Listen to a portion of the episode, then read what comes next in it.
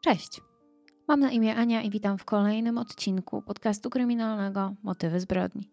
Zanim zaczniemy, chciałabym przypomnieć o subskrypcji kanału oraz włączeniu powiadomień, jeżeli jeszcze tego nie robicie. Dzięki temu nie zapomnijcie o kolejnych odcinkach. Zachęcam także do dołączenia do grupy facebookowej, gdzie dodaję zdjęcia i materiały do omawianych spraw, a także zachęcam Was do dyskusji i dzielenia się swoimi przemyśleniami czy też sugestiami na temat kolejnych odcinków. W dzisiejszym odcinku chciałabym przedstawić Wam sprawę, która od ponad 10 lat jest najbardziej zagadkowym zaginięciem w Polsce. Co roku pojawiają się nowe ślady, podejrzenia, informacje, które są sprawdzane przez policję, ale mimo tego nic nowego nie pojawia się w sprawie młodej gdańszczanki Iwony Wieczorek. Przeniesiemy się dzisiaj do Gdańska, miasta położonego w północnej Polsce w województwie pomorskim nad Morzem Bałtyckim. Jedną z mieszkanek tego pięknego miasta jest główna bohaterka dzisiejszej historii Iwona Wieczorek. Iwona urodziła się 8 stycznia 1991 roku i do trzeciego roku życia wychowywała się ze swoimi rodzicami i starszą siostrą. Jednak kiedy dziewczynka skończyła 3 latka, jej rodzice się rozwiedli, a jej mama poznała nowego mężczyznę, z którym wzięła ślub Piotra Kinda. Tuż po ukończeniu szkoły średniej 19-letnia Iwona miała mnóstwo planów na przyszłość. Po egzaminie maturalnym czekały ją najdłuższe wakacje w życiu, a zaraz potem młoda gdańszczanka miała rozpocząć zupełnie nowy etap swojego życia. Mimo, że Iwona ma bardzo dobre oceny, chce mieć pewność, że w październiku rozpocznie studia. Zapobiegawczo Iwona składa papiery na kilka uczelni: Politechnikę, Uniwersytet Gdański, czy też Akademię Marynarki Wojennej w Gdyni. I to właśnie na tej ostatniej uczelni zależy jej najbardziej. Iwona marzy, aby studiować tam stosunki międzynarodowe. Jest lipiec 2010 roku. Po zaplanowaniu swojej zawodowej przyszłości Iwona niedługo ma rozpocząć kurs prawa jazdy. Jest już umówiona z instruktorem na pierwsze zajęcia.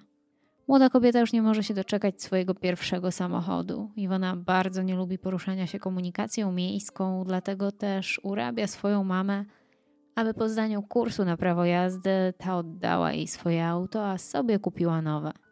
Iwona czeka też na informację, czy dostała się na studia, ale w międzyczasie w pełni korzysta z wakacji. Chodzi na plażę i się opala, imprezuje ze znajomymi. Myśli też o wycieczce do Hiszpanii.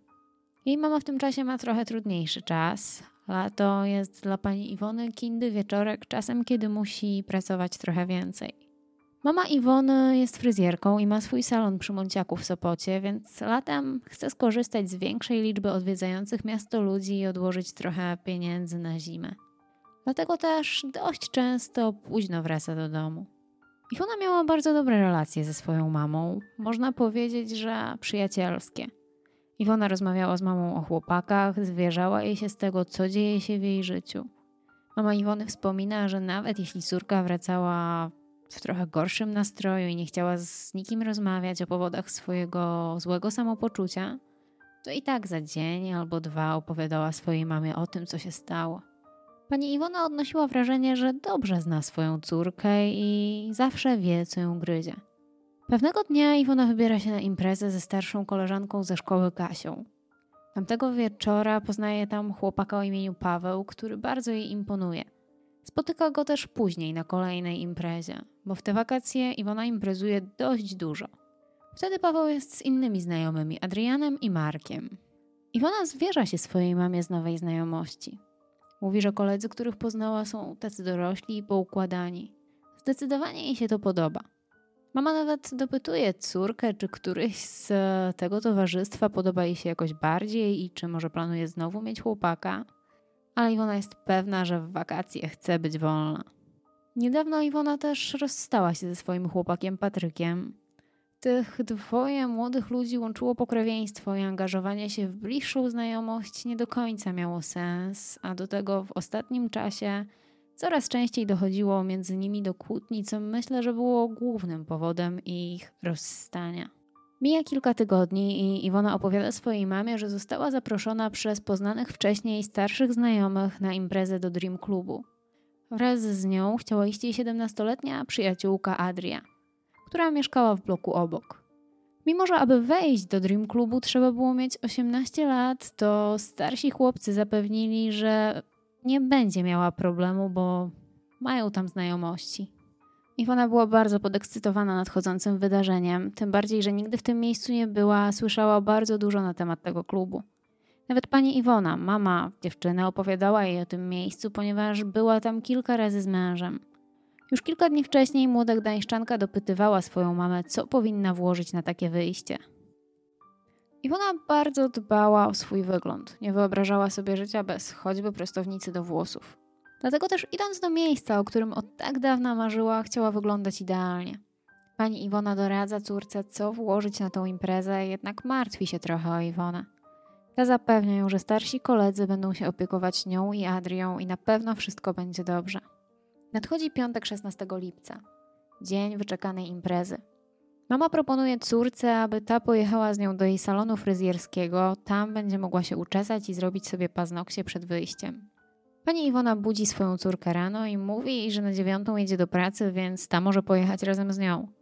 Kobieta wiedziała, że Iwona bardzo nie lubi poruszać się komunikacją miejską, ale wstawać wcześniej też nie lubiła. Iwona trochę marudzi, ale ostatecznie wstaje i zaspana jedzie z mamą do Sopotu. Tam młoda blondynka robi sobie paznokcie i fryzurę i wraca do domu do Gdańska. W domu Iwona postanawia jeszcze się zdrzemnąć, po czym kąpie się i szykuje do wyjścia do Adri, która mieszka klatka obok, aby wspólnie szykować się do wyjścia. O 17 z pracy wraca ojczym Iwony, pan Paweł. Iwona jeszcze się zbiera, ale praktycznie już wychodzi. Zabiera ze sobą prostownicę, aby móc poprawić włosy tuż przed wyjściem na imprezę oraz całe naręcze ubrań, aby wybrać te odpowiednie. Iwona wygrzebała też kilka rzeczy z szafy swojej mamy. Wzięła też jej granatowe szpilki, które bardzo jej się podobały. I tak spakowana Iwona poszła do swojej koleżanki Adri. Stamtąd zadzwoniła jeszcze do mamy, aby poinformować ją, co dalej będzie się działo. Powiedziała, że zaraz wychodzą. Najpierw idą na ognisko, a później do Dream Clubu. Mają tam być około 22 i 23. Mama wyraziła jeszcze przez chwilę obawę o córkę, a ta ponownie zapewniła mamę, że będą bezpieczne pod opieką starszych kolegów, którzy mieli po nie nawet przyjechać. Iwona wspomniała też, że najprawdopodobniej będzie spała u Adri. Mama poprosiła Iwonę o telefon, a ta dodała tylko: O, mamuś, mamuś, kocham cię, nie przejmuj się. Ostatecznie Iwona ubrała się w białą bluzkę, w cienkie niebieskie paski, granatową spódnicę i granatowe szpilki. Iwona nie wspomniała, gdzie ma odbyć się ognisko, na które się wybiera. Dopiero później jej mama dowiedziała się, że młodzież imprezowała na ogródkach działkowych w Sopocie, gdzie babcia Pawła, kolegi Iwony, miała domek. Działka mieściła się przy ulicy Reja w Sopocie. Około 22.30 po Adrię i Iwonę przyjechali koledzy. Toyotą należącą do matki jednego z nich wyjechali z osiedla Jelitkowski Dwór, gdzie mieszkały obie koleżanki i pojechali do Żabki przy Alei Niepodległości w Sopocie. Tam kupili alkohol, między innymi whisky, a stamtąd udali się na działkę babci Pawła. Wtedy Paweł wysadził swoich znajomych, a sam pojechał odstawić auto do dziadków, u których miał tego wieczoru nocować. Po chwili wrócił pieszo do znajomych i zaczęła się impreza. Taki typowy before. Młodzi ludzie często piją przed pójściem do klubu, aby nie przepłacać za drinki w klubach i mieć już ten swój imprezowy nastrój, więc to było zupełnie normalne. Młodzież siedziała na altance, pili alkohol, rozmawiali. Iwonia już wtedy zaszumiało trochę w głowie. SMS-owała wtedy z koleżanką i wspomniała w jednej z wiadomości, że czuje się pijana. Koleżanka, z którą rozmawiała Iwona, też bawiła się tamtego wieczoru w jednym z sopockich klubów. Mogłoby się wydawać, że Iwonie nie do końca podobała się impreza. Mimo iż miała obok siebie trzech kolegów i koleżankę, często pisała z kimś innym, zerkała na telefon, pytała innych znajomych, co robią i gdzie imprezują. Dodatkowo między Iwoną i Pawłem doszło do kłótni w trakcie tej imprezy na działce. Około północy Iwona napisała do jednego z kolegów SMS-a o treści: Co robisz? Ten od razu odpisał: Jestem w Krynicy. Jakieś 40 minut później napisała do innego chłopaka, którego znała jakieś dwa miesiące, SMS-a o treści: Gdzie jesteś? Ten odpowiedział: We wrzeszczu, a ty? Ale na to Iwona już nie odpisała. Jakieś 30 minut po północy całą grupą zamówili taksówkę i wyruszyli w stronę Dream Clubu, który znajdował się w krzywym domku w Sopocie. Będąc na miejscu, grupa znajomych nie dokupowała alkoholu, a sama Iwona nie miała nic do picia, więc wyklucza się możliwość, aby ktoś jej mógł czegoś dosypać. W trakcie imprezy Adria z Iwoną wypiły na spółkę jedno piwo. Dodatkowo Iwona miała wziąć łyka soku od Pawła. Na początku cała grupa bawiła się razem, jednak dość szybko dało się zauważyć, że raczej nie czują się zbyt dobrze w swoim towarzystwie. O 1.02 Iwona dostała SMS-a od swojej znajomej Magdaleny, która pisała jej, że jej były chłopak też tego wieczoru imprezuje z jakimiś dziewczynami w klubie Banana Beach w Jelitkowie. To bardzo zdenerwowało Iwonę, która ewidentnie była zazdrosna o chłopaka, z którym niedawno się rozstała. Tymczasem w trakcie imprezy jeden z chłopaków, który był z Iwoną i Adrią, Marek, wyszedł do innego znajomego, który bawił się w klubie Klub 70. Kiedy inni wysłali mu SMS-a z pytaniem, gdzie jest, wrócił do nich. Później Iwona zaczęła tańczyć z obcymi osobami. Co ciekawe, i ten chłopak, który na chwilę zniknął, i drugi z kolegów byli bardzo zaskoczeni, że ich młoda koleżanka tańczy z kim popadnie. Mniej więcej w tym samym czasie między Iwoną i Adrią doszło do sprzeczki. Oficjalnie mówi się, że poszło o zazdrość. Podobno Adria miała powiedzieć, że spodobał jej się jeden z kolegów i wykazywała nim zainteresowanie. Za to Iwona nie czuła się wystarczająco dostrzegana przez Pawła, który oficjalnie miał być jej partnerem podczas tej imprezy. Chłopak praktycznie z nią nie rozmawiał i nie tańczył. Iwona wyszła wtedy z klubu, aby się przewietrzyć. Młoda kobieta wyszła na deptak przed klubem. Spotkała tam jakiegoś znajomego, który też tamtego wieczoru bawił się w Sopocie. Miała mu się żalić, że grupa, z którą poszła na imprezę, trochę ją denerwuje i nie bawi się dobrze. Narzekała, że wszyscy się popisują. Jednak po krótkim wyjściu na dwór Iwona postanowiła wrócić do znajomych i pogodzić się z przyjaciółką. Chociaż ta zgoda nie trwała długo. Około 2.50 Iwona ponownie wyszła sama z klubu. Była wściekła, że Paweł przyglądał się bardziej tańczącej Adrii, a na nią nie zwracał uwagi. Jednak tym razem Adria i Paweł wyszli za nią. Po chwili na dworze pojawili się też pozostali panowie. Iwona była wściekła. Paweł próbował ją przytulić i przekonać, aby wrócili do domu razem, ale ona krzyczała, żeby ją puścił. Wszyscy starali się jej wytłumaczyć, że powinni wrócić wspólnie, ale Iwona nie chciała słuchać i sama oddaliła się w kierunku molo. W tym momencie jeden z uczestników tej imprezy miał już właściwie dość tych ciągłych kłótni i też oddalił się od miejsca. W tym momencie jeden z uczestników tej imprezy też już miał trochę dość tych ciągłych kłótni i oddalił się do miejsca o nazwie Atelier gdzie bawiła się jego znajoma. Natomiast Adria i pozostali koledzy udali się w boczną uliczkę, skąd próbowali dozwonić się do Iwony i namówić ją do powrotu. Ale ta powiedziała im, że jest już pod domem, co oczywiście było niemożliwe. Iwona powiedziała, że mają na nią nie czekać. Adria jednak ciągle dzwoniła do swojej przyjaciółki, wysyłała jej wiadomości. Miały obie wracać taksówką, a Adria wiedziała, że Iwona nie ma pieniędzy, żeby sama mogła zamówić sobie taksówkę. Iwona miała na koncie tylko pakiet darmowych SMS-ów, więc odpisywała. Była obrażona i absolutnie nie chciała rozmawiać, odrzucając prawie każde połączenie. Ostatecznie Adria i koledzy ustalili, że pójdą w górę ulicy Bohaterów Monte Cassino, bo mieli nadzieję, że Iwona poszła na SKMK i tam ją spotkają. Z ich perspektywy wydawał się to jedyny racjonalny środek transportu od tej porze, to oczywiście poza taksówką, na którą Iwona nie miała środków. Kiedy byli już obok dworca w Sopocie, Adria ponownie zadzwoniła do koleżanki, ale znowu nie mogły się porozumieć. Ostatecznie Adria też zrezygnowała i postanowiła zamówić taksówkę dla siebie i wrócić do domu. Po drodze cały czas rozmawiała z Iwoną za pomocą SMS-ów. Adria ciągle próbowała rozmawiać z Iwoną przez telefon. Ta mówiła jej, że jest przy drugim lub trzecim wejściu na plażę od Molo. O 3.33 Iwona wysłała SMS-a do Adrii o treści o gówno mnie zaczepiają. Adria była już w drodze do domu.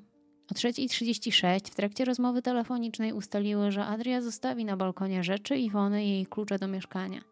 Dziewczyny jeszcze chwilę rozmawiały i się kłóciły, aż do momentu, kiedy Adria wchodziła do swojego bloku.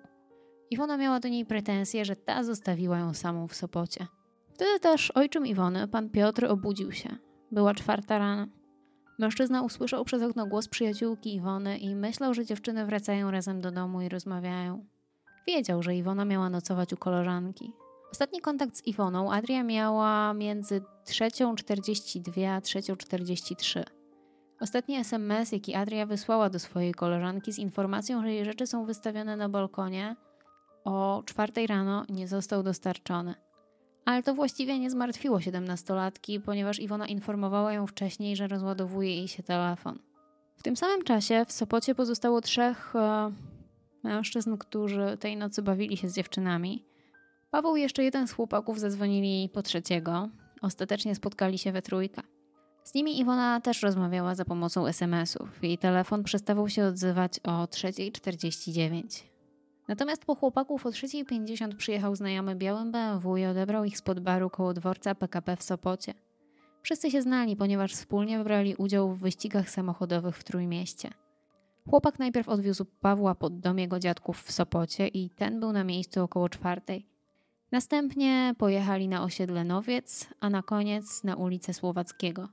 Sam wrócił do domu o 4.25. Paweł w domu sprawdził jeszcze, czy Iwona nie kontaktowała się z nim na jego drugi telefon. Próbował się jeszcze skontaktować z dziewczyną, ale bezskutecznie. I wiedząc, że telefon Iwony mógł paść, poszedł spać. O siódmej rano mama Adri obudziła córkę i zapytała o rzeczy, które zostały na balkonie, ale siedemnastolatka tylko przytaknęła, że Iwona ma po nie przyjść i poszła dalej spać. Poprzedniego wieczoru mama Iwony wróciła do domu o 21.30. Kobieta była bardzo zmęczona, długo pracowała tego dnia. Szybko coś zjadła i chciała się położyć spać, bo na ósmą rano miała umówioną kolejną klientkę. Mąż pani Iwony był trochę zły, że jego żona jest aż tak zmęczona, chciał z nią gdzieś wyjść w ten piątkowy wieczór. Zwłaszcza, że pogoda była naprawdę ładna. Ale kobieta obiecała, że w sobotę na pewno gdzieś pójdą, bo dziś jest naprawdę zmęczona.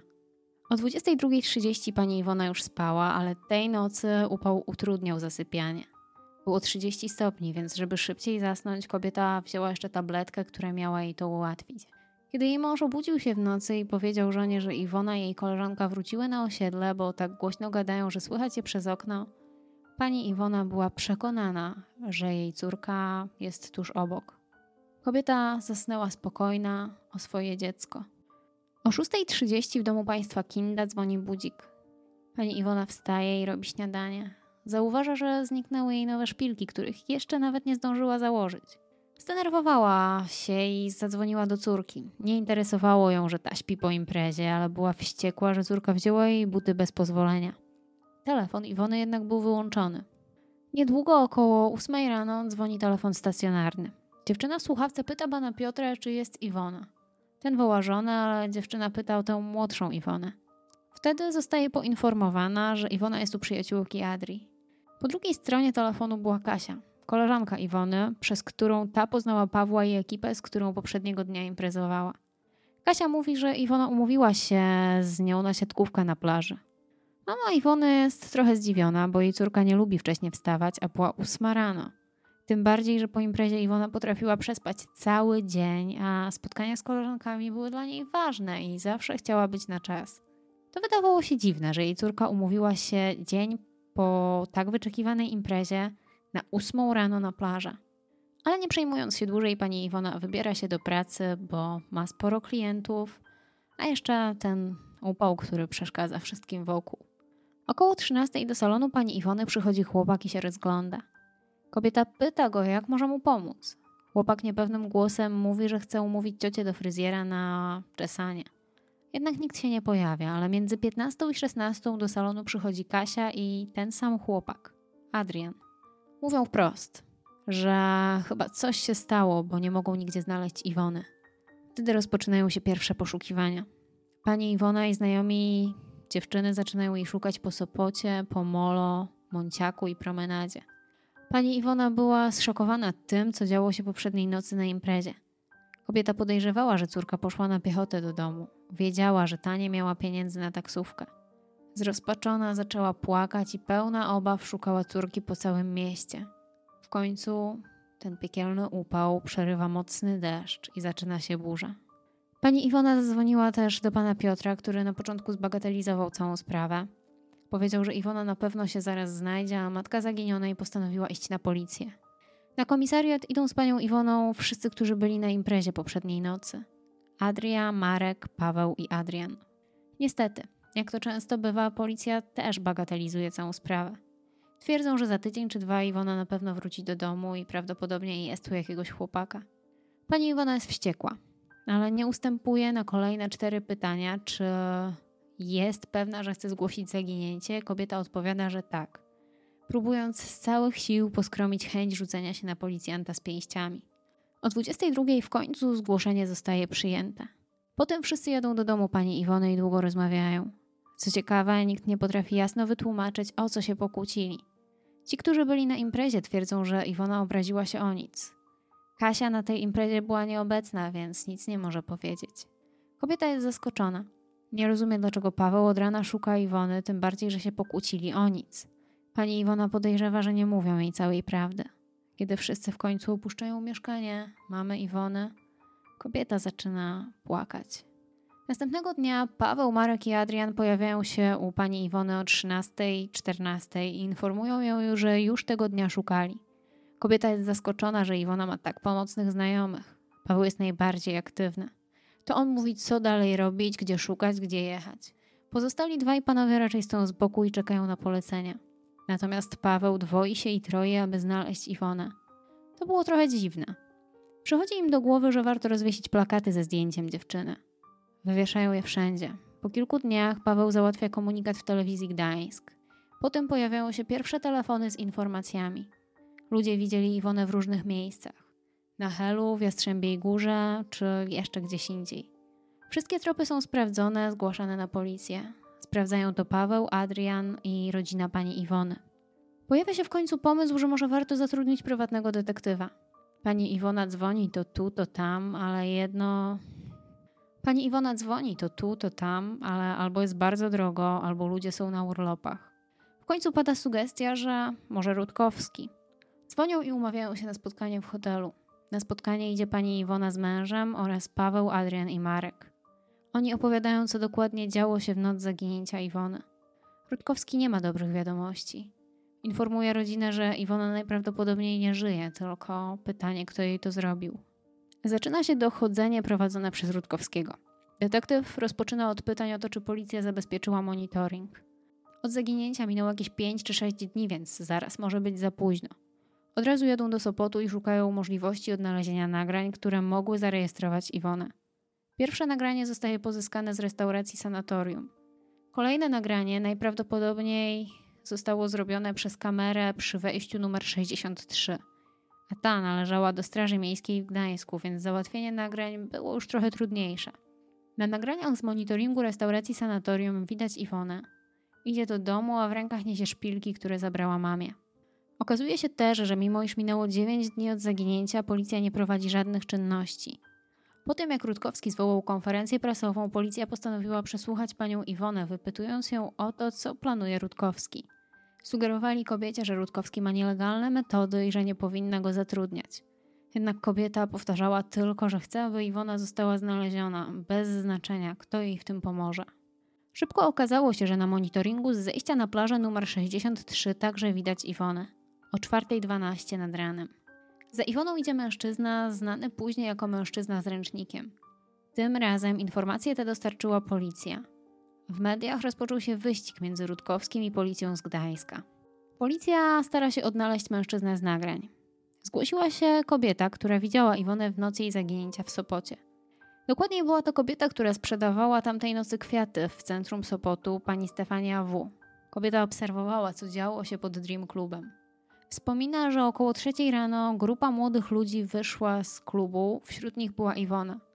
Ludzie rozmawiali ze sobą, ale w pobliżu tej grupy było trzech innych mężczyzn. Jeden z nich zapadł kobiecie w pamięć wyjątkowo. Nic nie mówił, tylko intensywnie wpatrywał się w Iwonę wieczorek. Kobieta uważa, że zachowanie mężczyzny było co najmniej dziwne.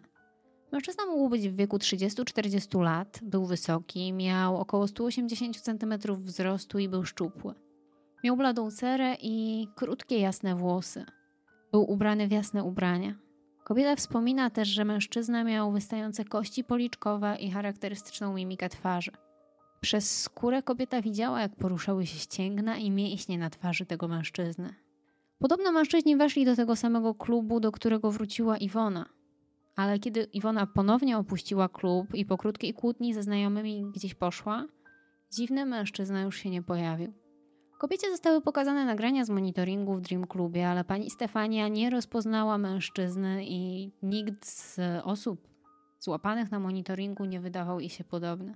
Natomiast mężczyzna z ręcznikiem z nagrania monitoringu miejskiego wydawał się kobiecie podobny do mężczyzny, który przyglądał się Iwonie pod Dream Clubem. Na podstawie zeznań pani Stefanii stworzono portret pamięciowy, ale nie było to proste zadanie, ponieważ kobieta nie potrafiła dokładnie określić wyglądu tamtego mężczyzny. Pod koniec lipca wolontariusze, którzy uczestniczyli w poszukiwaniach Iwony, odnaleźli ręcznik w przydrożnym rowie, który mógł należeć do tajemniczego mężczyzny. Ręcznik leżał w miejscu, gdzie Iwona mogła przechodzić, jednak już w połowie sierpnia okazuje się, że na ręczniku nie znaleziono śladów, które mogłyby łączyć go ze sprawą Iwony Wieczorek. Według eksperymentu, który przeprowadziła policja, Iwona pokonując drogę z Sopotu do ostatniej kamery monitoringu, która ją nagrała, najprawdopodobniej zatrzymała się w jakimś miejscu. Nie wiadomo, czy w tym momencie z kimś rozmawiała, jednak oceniając czas i odległość, Iwona powinna być jakiś kilometr dalej. W momencie, kiedy została uchwycona przez kamerę przy zejściu numer 63. Co ciekawe, kamera uchwyciła ponownie mężczyznę z ręcznikiem, jak jakieś dwie godziny później, o około 6.22, wracał bez koszuli, tylko z zarzuconym ręcznikiem. Niestety mężczyzna ten nigdy nie zgłosił się na policję, mimo iż mógł być bardzo ważnym świadkiem, wręcz kluczowym. Istnieje prawdopodobieństwo, że mężczyzna ten nie jest z Polski i nie był tutaj po tamtych wakacjach. Być może nawet nie wiedział, że jest poszukiwany, albo faktycznie ma coś na sumieniu i nie zgłosił się na policję celowo. Istnieje też prawdopodobieństwo, że mężczyzna choruje albo nie żyje. Jednak dziwne jest to, że nikt go nie rozpoznał, jeżeli jest mieszkańcem naszego kraju. Mężczyzna podobny do podejrzanego mężczyzny z ręcznikiem został uchwycony także na monitoringu w klubie Banana Beach. Podobna była sylwetka, ale także ręcznik. Jednak prokuratura nie potwierdza, że jest to ta sama osoba. Na policję zgłosiła się jeszcze jedna kobieta pani Barbara. 17 lipca 2010 roku nad ranem kobieta usłyszała wołanie o pomoc, kiedy przebywała na balkonie swojego mieszkania. Kobieta opisała, że głos brzmiał bardzo młodo. Zdecydowanie nie należał do nikogo starszego, a raczej do kobiety maksymalnie dwudziestoletniej. Kobieta zaciekawiona hałasem wyjrzała z balkonu i zauważyła na ulicy Obrońców Westerplatte mężczyznę, który zauważył też ją i zaczął się w nią wpatrywać. Pani Barbara stwierdziła, że mężczyzna był typem Włocha, południowca, w wieku 25-35 lat. Był wysoki i szczupły. Miał na sobie krótką czarną kurtkę skórzaną i kapelusik. Kobieta słyszała też, jakby ktoś biegł boso. Po chwili usłyszała samochód, który zatrzymał się na ulicy. Słychać było dźwięk otwierania i zamykania drzwi, po czym wołanie o pomoc ucichło. Niestety, pani Barbara, mimo szybkiego zgłoszenia się na policję, została zignorowana, a przesłuchano ją dopiero kilka lat później. Jednak wydaje się to swoją drogą nierealne, aby Iwona znalazła się w tym miejscu. Na podstawie lokalizacji i telefonu ustalono, że Iwona szła nad morskim deptakiem w stronę Gdańska. Nie było możliwe, aby nagle znalazła się w centrum Sopotu. Po raz ostatni Iwona została zarejestrowana przez kamerę monitoringu nieopodal lokalu Bacówka. Nie wiadomo, co działo się z nią dalej. Policja przesłuchała także pracowników firmy sprzątającej, którzy tej nocy pracowali na wybrzeżu. Kilku z nich słyszało, że ktoś inny rozmawiał w bazie o zaginionej dziewczynie i mówił, że widział ją tamtej nocy. Udało się odnaleźć i przesłuchać tego mężczyznę ponad rok od zaginięcia Iwony Wieczorek. Pracował wtedy na zmianie z trzema innymi kolegami. On sam był kierowcą. Około czwartej nad ranem ekipa była przy ulicy Jantarowej, czyli tym deptaku, którym szła Iwona. I właśnie opuszczali tą ulicę jadąc w stronę Gdańska. Minęli wejście numer 63 i byli już na wysokości kolejnego wejścia. Mężczyzna miał zauważyć wtedy bardzo ładną kobietę. Niosła w ręku buty. Podobno żartowali sobie nawet, że fajnie byłoby ją poderwać. Kiedy ją mijali, dziewczyna siedziała na ławce z mężczyzną z ręcznikiem i rozmawiała z nim. Później kobieta minęła ich, ponieważ oni jadąc wykonywali też swoją pracę, przez co ich ruch był bardzo wolny. Podobno mężczyzna szedł jeszcze kawałek za Iwoną, ale ona ostatecznie skręciła w alejkę numer 58, która prowadziła na, na ulicę Obrońców Wybrzeża. Przez park Regana. Nigdy więcej nie widział Iwony, dopiero w telewizji. Jednak dwóch mężczyzn z tej samej ekipy zaprzeczyło, że widziało idącą samotnie kobietę. Powiedzieli też, że kolega nigdy nie wspominał o dziewczynie i nie zwrócił ich uwagi na piękną, samotnie idącą kobietę, którą warto byłoby poderwać. Jakiś miesiąc po zaginięciu Iwony na policję zgłosiła się kobieta, która chciała pozostać anonimowa. Kobieta podczas spaceru usłyszała rozmowę mężczyzn porządkujących pas nadmorski. Jeden z nich mówił, że w noc zaginięcia Iwony Wieczorek podwiózł kilka przecznic mężczyznę z ręcznikiem. Niestety nie udało się ustalić, o którą firmę chodziło, ponieważ w tamtym czasie pracowały tam w tym samym rejonie dwie firmy sprzątające. Ogólnie rzecz biorąc, w nocy, kiedy Iwona Wieczorek e, była na promenadzie, było tam bardzo dużo ludzi. Była to noc z piątku na sobotę. Pogoda była ładna, było ciepło i wiele osób wracało do domu po imprezach. Jest mało prawdopodobne, że ktoś zaatakowałby Iwonę przed zejściem ze ścieżki do parku Regana, bo zwyczajnie zostałoby to zauważone. W międzyczasie anonimowi biznesmeni z Gdańska zrzucają się na nagrodę za informacje w sprawie zaginięcia Iwony Wieczorek. Nagroda wynosi milion złotych, ale nie pomaga w odnalezieniu dziewczyny ani ustaleniu żadnych nowych informacji. Tej samej nocy, kiedy Iwona wracała do domu, w parku Regana, który leży tuż obok drogi, którą Iwona miała wracać, miała miejsce inna impreza. Odbywało się tam ognisko urodzinowe kolegi Iwony i Kasi. Iwona była zaproszona na to przyjęcie, jednak była już wcześniej umówiona na wyjście do Dream Clubu. Iwona wysłała nawet jubilatowi życzenia urodzinowe tego dnia. Ognisko trwało od 21 do północy, a uczestnicy tej imprezy, którzy nie poszli do domu, postanowili kontynuować zabawę w Banana Beach. Miejsce to znajduje się przy wejściu na plażę o numerze 69.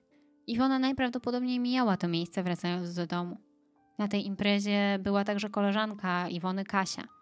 Iwona kontaktowała się z Kasią tej nocy kilka razy. Pisała jej smsy, będąc jeszcze na działce dziadków Pawła. Kasia pamięta, że była w domu około drugiej w nocy, ale nie pamięta, o której skończyło się to ognisko. Rano dziewczyna odczytała kolejne SMSy, które wysyłała do niej Iwona o 2.56 i 3.02. Oba takie same, o treści zadzy. Przypuszcza się, że Iwona mogła chcieć dołączyć na ognisko, na którym była Kasia. Kasia została także zapytana przez policję o to, którędy jej koleżanka najprawdopodobniej poszłaby do domu. Dziewczyna stwierdziła, że przez park Regana przy wejściu numer 57, bo to była najkrótsza droga. I Iwona z Kasią często tamtędy chodziły. Wystarczyło przejść 200 metrów i wychodziło się praktycznie pod blokiem Iwony. Natomiast były chłopak Iwony Patryk stwierdził, że poszłaby najprawdopodobniej w okolice wejścia na plażę numer 55 albo 58. Przesłuchano także właśnie Patryka, byłego chłopaka Iwony, który w noc zaginięcia kobiety bawił się podobno w Banana Beach. Iwona wiedziała o tym, ponieważ jej koleżanka Magdalena napisała jej SMS-a, że widziała tam Patryka z innymi dziewczynami. Jednak w czasie przesłuchania Patryk twierdził, że nie było go w tym miejscu. Podczas przesłuchania 28 września 2011 roku Patryk powiedział, że około północy siedział ze znajomymi na ławkach przy deptaku na obrońców wybrzeża. To było w parku Regana. Chłopak nie wiedział dokładnie z kim tam był. Powiedział, że siedzieli tak do godziny pierwszej w nocy, a następnie każdy z obecnych poszedł w stronę swojego domu. I to miało być wszystko, co Patryk robił w noc zaginięcia Iwony. Patryk potwierdził, że był z dziewczyną w klubie Banana Beach, ale nie w noc zaginięcia Iwony. Dodatkowo mówił, że następnego dnia miał jechać do chałup, ale teraz nie pamięta, kto miał mu towarzyszyć. Patryk w czasie wcześniejszego przesłuchania w 2010 roku pamiętał także, że tydzień przed zaginięciem Iwona dzwoniła do niego i żaliła się, że jego koledzy ją pobili, kiedy wracała z imprezy do domu.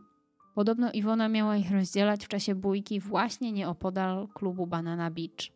Znajomi Patryka, którzy tamtej nocy mieli siedzieć z nim na ławce, także mieli wyjątkowo skąpe wspomnienia. Ale wszyscy zeznawali podobnie, że spędzili wieczór na ławkach przy parku Regana, a około pierwszej rozeszli się do domów. Policja konfrontuje Patryka także z wykazem połączeń telefonicznych i lokalizacji jego telefonu tamtej nocy. Okazuje się, że od tamtej nocy Patryk sporo przemilczał. O godzinie drugiej w nocy jego telefon logował się w okolicy Parkowej w Sopocie, a następnie o 2.54 w okolicy obrońców Wybrzeża w Gdańsku. O 3.27 przy ulicy Brzozowej, a o 3.31 ponownie na obrońców Wybrzeża i o 3.32 także na obrońców Wybrzeża. Skonfrontowany z tymi informacjami zeznał, że nie pamięta, co robił w tych miejscach i nie pamięta, o której wrócił do domu, ale nie było to o pierwszej, tak jak wcześniej twierdził. Część osób twierdzi, że to może mieć związek z jakąś nielegalną działalnością, ale niekoniecznie z zaginięciem Iwony. Ponieważ Patryk mocno przeżył to zdarzenie i mimo iż razem nie byli, to bardzo ją szanował. Sprawa Iwony robi się coraz głośniejsza w całej Polsce. Telefon pani Iwony dzwoni bardzo często, jednak nie pojawiają się żadne konkrety. Ktoś sugeruje, aby kobieta spotkała się z Krzysztofem Jackowskim. Siostra pani Iwony jedzie do Jasnowidza z rzeczami zaginionej. Według jego wizji Iwona jest na półwyspie. Została porwana przez jakieś dwie osoby i wraz z nimi zmierza w kierunku rywala. Podobno tam ma się odbyć jakaś impreza, na której mają się zatrzymać, a później planują wywieźć młodą kobietę na zachód. Rodzina Iwony reaguje od razu. Jadą do rywala i rozwieszają tam ulotki. Dodatkowo kontaktują się z sołtysem miejscowości i policją. Jednak żadne nowe ślady się nie pojawiają. Mama Iwony jest zła. Dzwoni nawet do Jackowskiego i sugeruje mu, że jeżeli jest takim świetnym jasnowidzem, to może wybierze się do Gdańska i pokaże, gdzie była Iwona. Ale mężczyzna odmawia. Jednak po kilku dniach przyjeżdża z telewizją Polsat, ale nic z tego nie wynika. Mijają tygodnie, a pani Iwona zaczyna mieć coraz mniej zaufania do ludzi wokół siebie. Najbardziej zaczynają zastanawiać zachowanie Pawła i osób, które spędziły z Iwoną ostatnią noc. Okazuje się, że młodzi ludzie nie do końca tak chętnie pomagają. Była taka sytuacja, że pojechali na półwysep, a z nimi pojechała siostra pani Iwony tylko drugim samochodem. Młodzi ludzie powiedzieli, że rozwiesili plakaty w kilku miejscach, ale po sprawdzeniu tych miejsc wychodzi na jaw, że nawet tam nie byli. Pani Iwona zaczyna się zastanawiać, czy coś przed nią ukrywają, czy naprawdę chcą pomóc w poszukiwaniach. Przychodzi jesień. W październiku policja spostrzega jeszcze jednego mężczyznę, który może mieć związek z zaginięciem Iwony. Nazywają go mężczyzna w Bermudach, od stroju, jaki miał na sobie. W nocy z 16 na 17 lipca 2010 roku był w tych samych miejscach, gdzie Iwona, a policja twierdzi, że mógł nawiązać z kobietą kontakt wzrokowy. Do pani Iwony zgłaszają się też ludzie, którzy chcą wyłudzić pieniądze, informując kobietę, że to oni porwali jej córkę i żądają okupu. Jeden z nich szybko okazał się oszustem, ale drugi, który zażądał 800 tysięcy złotych, miał zdjęcia Iwony, które były dość wiarygodne. Jednak na szczęście policji udaje się dotrzeć do mężczyzny. Okazało się, że przerabiał zdjęcia z internetu, aby dorobić się na krzywdzie rodziny Iwony. Młody chłopak został skazany na 6 lat więzienia. Według słów pani Iwony, prawdziwe śledztwo w sprawie zaginięcia jej córki rozpoczęło się, kiedy sprawę przejęła policja i prokuratura z Gdańska. Po kilku miesiącach od zaginięcia dziewczyny policja chce przeprowadzić badanie wariografem z udziałem osób, które spędziły z Iwoną ostatnią noc. Paweł początkowo odmawia udziału w badaniu, ale po kilku miesiącach sam się zgłasza. Niestety, badania nie przenoszą żadnych rezultatów. Pani Iwona ma coraz poważniejsze podejrzenia co do osób, które imprezowały z Iwoną tamtej nocy. Okazuje się, że jeden z chłopaków zgłosił w tamtym czasie wypadek samochodowy, ale nie sprawdzono tego tropu. Policja wykonała też próbę głosową, aby dowiedzieć się, czy ktoś by słyszał krzyk Iwony, gdyby została zaatakowana w jednej z alejek w parku Regana. Okazało się, że w podobnych warunkach krzyk słychać na jakieś 200 metrów, ale nikt nie słyszał nic tamtego ranka. Nie znaleziono też rzeczy, które Iwona trzymała w ręku. Ani torebki, ani butów. Zupełnie żadnych śladów jej obecności. W trakcie trwania śledztwa nie brakowało ludzi, którzy chcieli powiedzieć coś w tej sprawie. Były zeznania, które faktycznie miały sens, ale też sporo osób mówiło rzeczy, które nie wnosiły zupełnie nic i były zwykłymi bredniami. Ktoś zgłosił, że Iwona przebywała na kempingu ze starszym mężczyzną arabskiego pochodzenia. Ktoś inny widział, jak ten sam mężczyzna porwał Iwonę i odjechał czarnym Audi A3. Świadkowie, którzy przebywali wtedy na kempingu, także kojarzyli tego mężczyznę. Był na kempingu z brunetką, z którą chodził za rękę i kobietą przypominającą Iwonę Wieczorek. Policji udało się dotrzeć do tego mężczyzny, ale okazało się, że to był ślepy trop. Kolejna osoba, która zgłosiła się na policję z informacjami na temat Iwony, to mężczyzna, który w niedzielę widział kobietę przypominającą Iwonę. W mieszkaniu sąsiadującym z mieszkaniem mężczyzny odbywała się dość głośna impreza. W pewnym momencie na balkon wyszła kobieta i dwóch mężczyzn. Świadek był pewien, że słyszał imię Iwona i rozmowę o wyjeździe do Berlina. Mieszkanie to podobno było wynajmowane, a ludzie, których tam widział, opuścili to mieszkanie po kilku dniach i nigdy więcej się tam nie pojawili. Ktoś inny posiadał informację, że Iwona jest przetrzymywana w Duninowie koło Słupska na zlecenie jakiegoś mężczyzny, który posiada dom publiczny w Rumi albo Redzie. Ale tego tropu także nie udało się wyjaśnić. Zgłaszało się też wiele osób, które twierdziły, że znają mężczyznę z ręcznikiem. Ludzie rozpoznawali go jako pracownika zakładu w Turowie, gościa jednego z hoteli, mężczyznę, który często przychodził nocą na plażę, aby się kąpać. Znajomi Iwony także rozpoznali kogoś przypominającego mężczyznę z ręcznikiem, ale po przesłuchaniu tej osoby okazało się, że nie miała nic wspólnego z zajściem i nie jest poszukiwanym mężczyzną z ręcznikiem. Ktoś inny rozpoznał mężczyznę jako Rosjanina, którego widywał w tamtym czasie z pięcioma innymi mężczyznami. Miał trochę znać polski, ale miał silny rosyjski akcent i często chodził na plażę z białym ręcznikiem w okolicach, gdzie zaginęła Iwona. Śledztwo w sprawie zaginięcia Iwony Wieczorek trwało nadal, ale nie przynosiło żadnych efektów. Co prawda zgłaszali się ludzie, którzy rzekomo widzieli Iwonę w różnych miejscach, ale żadna z tych informacji nie popchnęła śledztwa dalej. Widziano ją w wielu miejscach w Polsce, czy też choćby w Paryżu.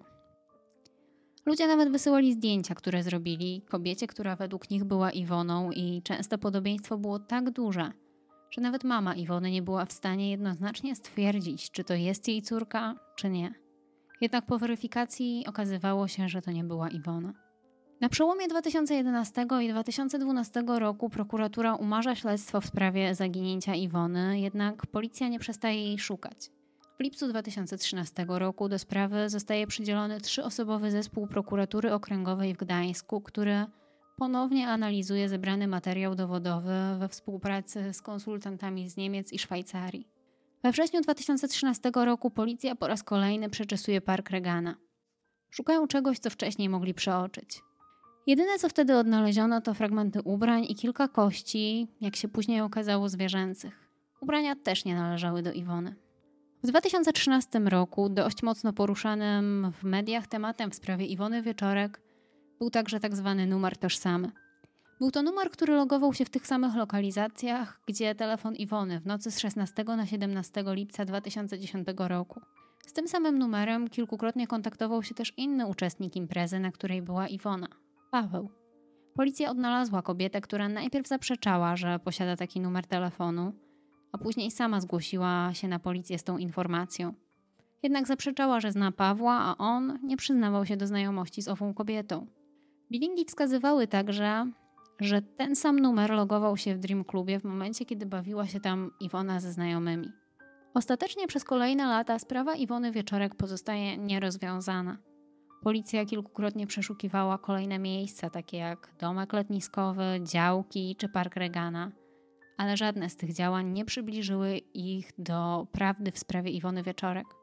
Istnieje wiele teorii mówiących o tym, że Iwona była dziewczyną do towarzystwa, ale nie chciałabym powielać teorii, które mogą być w jakikolwiek sposób krzywdzące dla bliskich zaginionej dziewczyny, a nie są też w żaden sposób potwierdzone. Czy kiedykolwiek dowiemy się, dlaczego Iwona zniknęła? Mam nadzieję, że tak. Jest to jedna z najbardziej zagadkowych spraw, jakie wydarzyły się w Polsce, a zarazem jedna z najbardziej medialnych. Niestety, mimo wszystko, wciąż nierozwiązana. Dziękuję za obejrzenie odcinka do końca. Dajcie znać, jakie teorie według Was są najbardziej prawdopodobne w sprawie zaginięcia Iwony Wieczorek. I taka prośba na koniec, kochani, dbajcie o siebie. Jest to już któryś odcinek, kiedy opowiadam o tym, że po imprezie ktoś nie wrócił do domu. Więc wydaje mi się, że warto to sobie przemyśleć i kiedy sami udajecie się na jakąś imprezę ze swoimi znajomymi, to warto zwrócić uwagę na to, czy na pewno wszyscy traficie bezpiecznie do domu. Dziękuję jeszcze raz i do usłyszenia. Cześć.